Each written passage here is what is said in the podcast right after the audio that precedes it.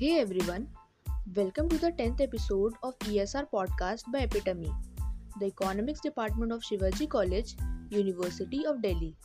And today with us we have Soumya and Nipun along with me, Anjali, as your host. Beginning with the agenda, the need for a strong and social infrastructure became even more important during the ongoing COVID 19 pandemic that brought into focus the vulnerabilities in social infrastructure across countries. We will start by discussing the state of the social infrastructure currently in India. So, Soumya, please begin by telling us the meaning of social infrastructure in the context of India. Yeah, so broadly speaking, the social infrastructure in India includes the education system in India, healthcare, and the management of the education and health services in India that form the basic social infrastructure definition. And the Indian government looks after the social development in India through careful infrastructure planning and handling social issues in close coordination. Now let us discuss the trends in social sector expenditure basically how government spend money on social sector that is education health welfare etc to begin with, let's discuss the healthcare industry. Nipun, will you please share some insight into the healthcare industry and how it strike back from pandemic? Yeah, sure. The healthcare industry, along with the central and state governments, undertook a robust response plan to tackle the pandemic by setting up dedicated COVID 19 hospitals, isolation centers, and tech enabled mapping of resources. In order to effectively manage the outbreak, the Indian government also leveraged technology and developed various applications both at the central and state levels. The Aarogya Setu mobile app, which assisted in syndromic mapping, contact tracing, and self assessment, was widely used throughout the country.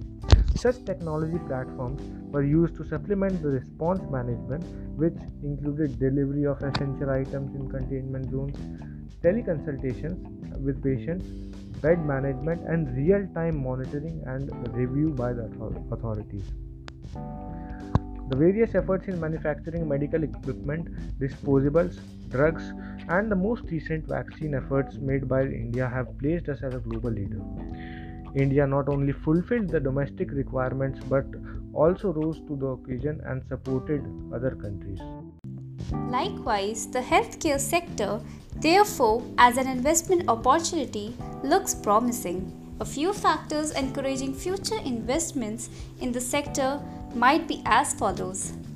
Firstly, if we talk about the medical infrastructure in Tier 2 and 3 cities, as we have seen the shortfalls, such as the required number of beds or the accessibility of advanced equipment that were highlighted during the worst hit times of the pandemic are underscoring the need for a healthcare system that is emergency proof for such situations in the future.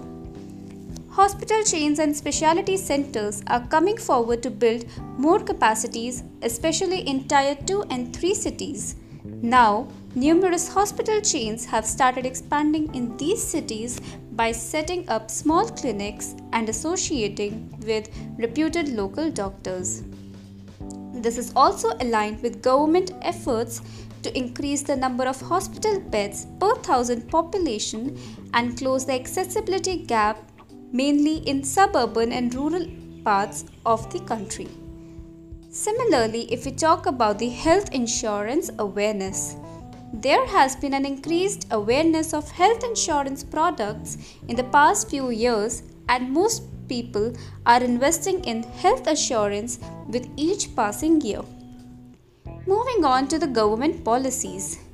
Though planned before the pandemic, government efforts in achieving a universal health cover under the Health for All and schemes such as Ayushman Bharat and National Digital Health Mission have sped up exponentially. These efforts to make healthcare affordable and accessible for the entire population also offer scope for private players to widen their reach and presence. As we know, the healthcare sector in India is attractive to foreign patients because of the availability of quality services at relatively lower costs compared to countries in Western Europe or the US. As of 2012, Bangladesh 22% accounted for the highest number of medical FTAs, that is, foreign tourist arrivals, whereas Maldives, Afghanistan, and Iraq accounted for 17%, 9%, and 8% respectively. Lastly, the use of technology as online consultations and technology platforms is in high demand, especially in today's times. In August 2019, the Ministry of Health and Family Welfare introduced the eSanjeevani app, an integrated web based telemedicine solution. It aims at making healthcare services fair by bridging the gap between urban and rural India. Hmm, quite insightful, I must say. Now, talking about education, Nipun, what do you have to say about school infrastructure?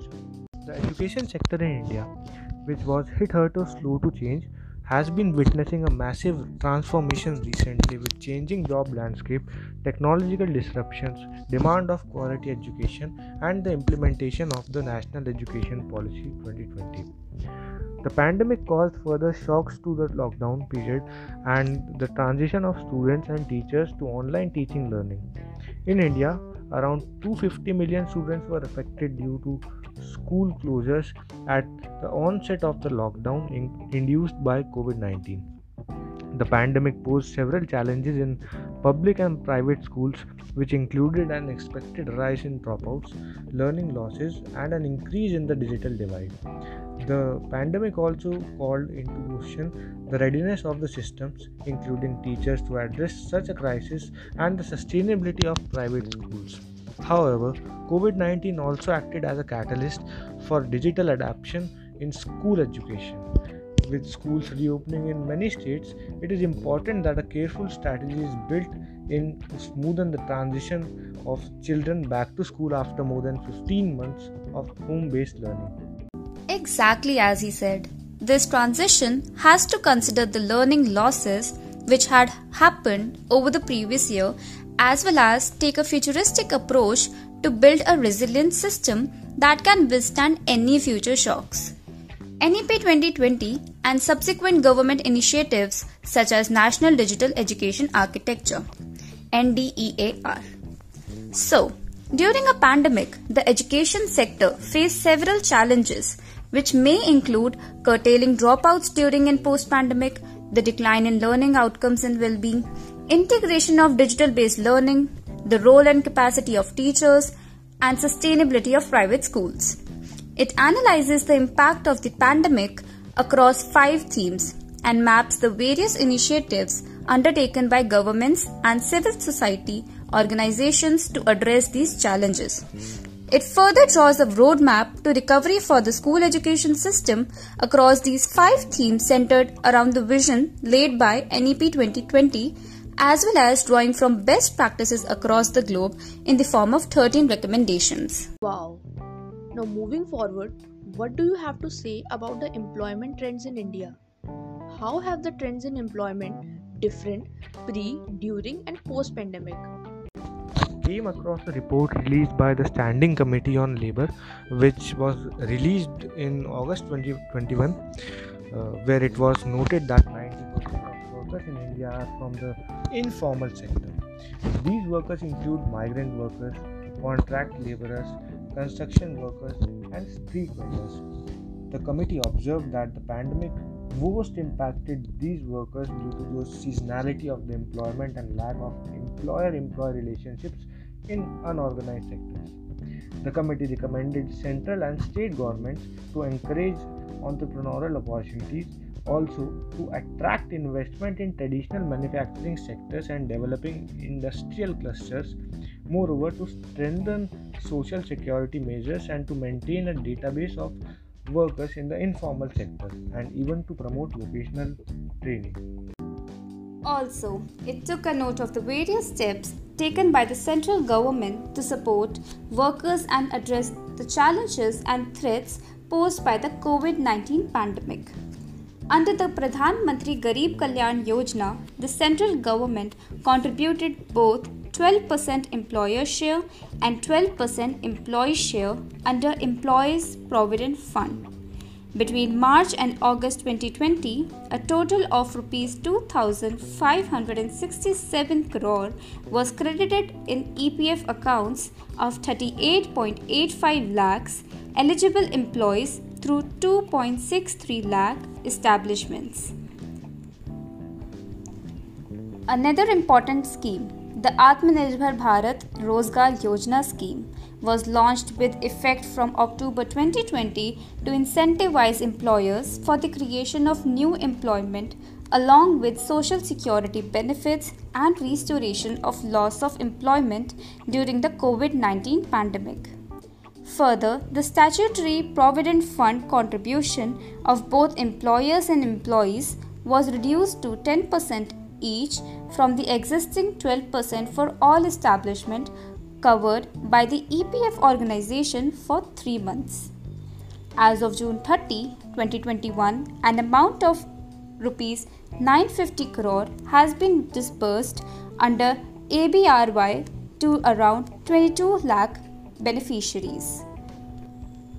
The unemployment benefit under the Atal Bimit Vyakti Kalyan Yojana which was launched in July 2018, was enhanced from 25% to 50% of the average earning for insured workers who have lost employment due to COVID 19.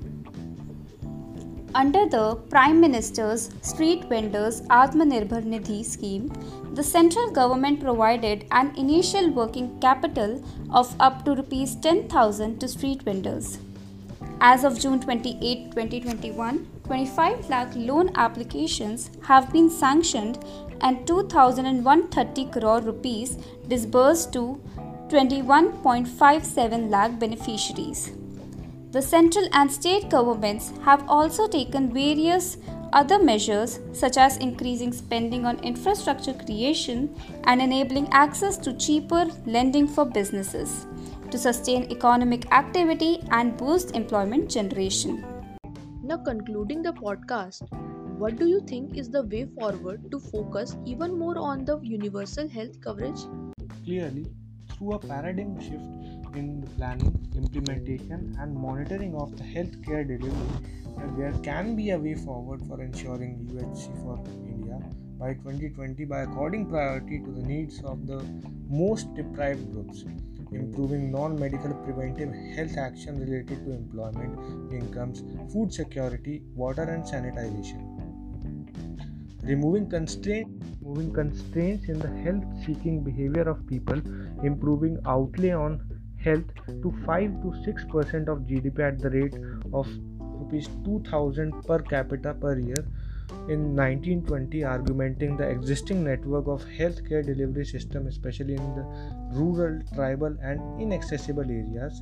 Intensive use of technology for diagnosis pricing and quality control regulating public private partnerships with clear definitions of shared objectives and priorities rewarding the state financially for recording improved health outcomes in 2021 uh, planning of HRH based on local epidemiological needs, healthcare needs, and cost effectiveness, transparency in mapping and estimating the pattern of healthcare services required in each district by 2022, restructuring the cadre structure for public health workers, reorienting medical undergraduate education towards public health and sustain intensive health education campaigns.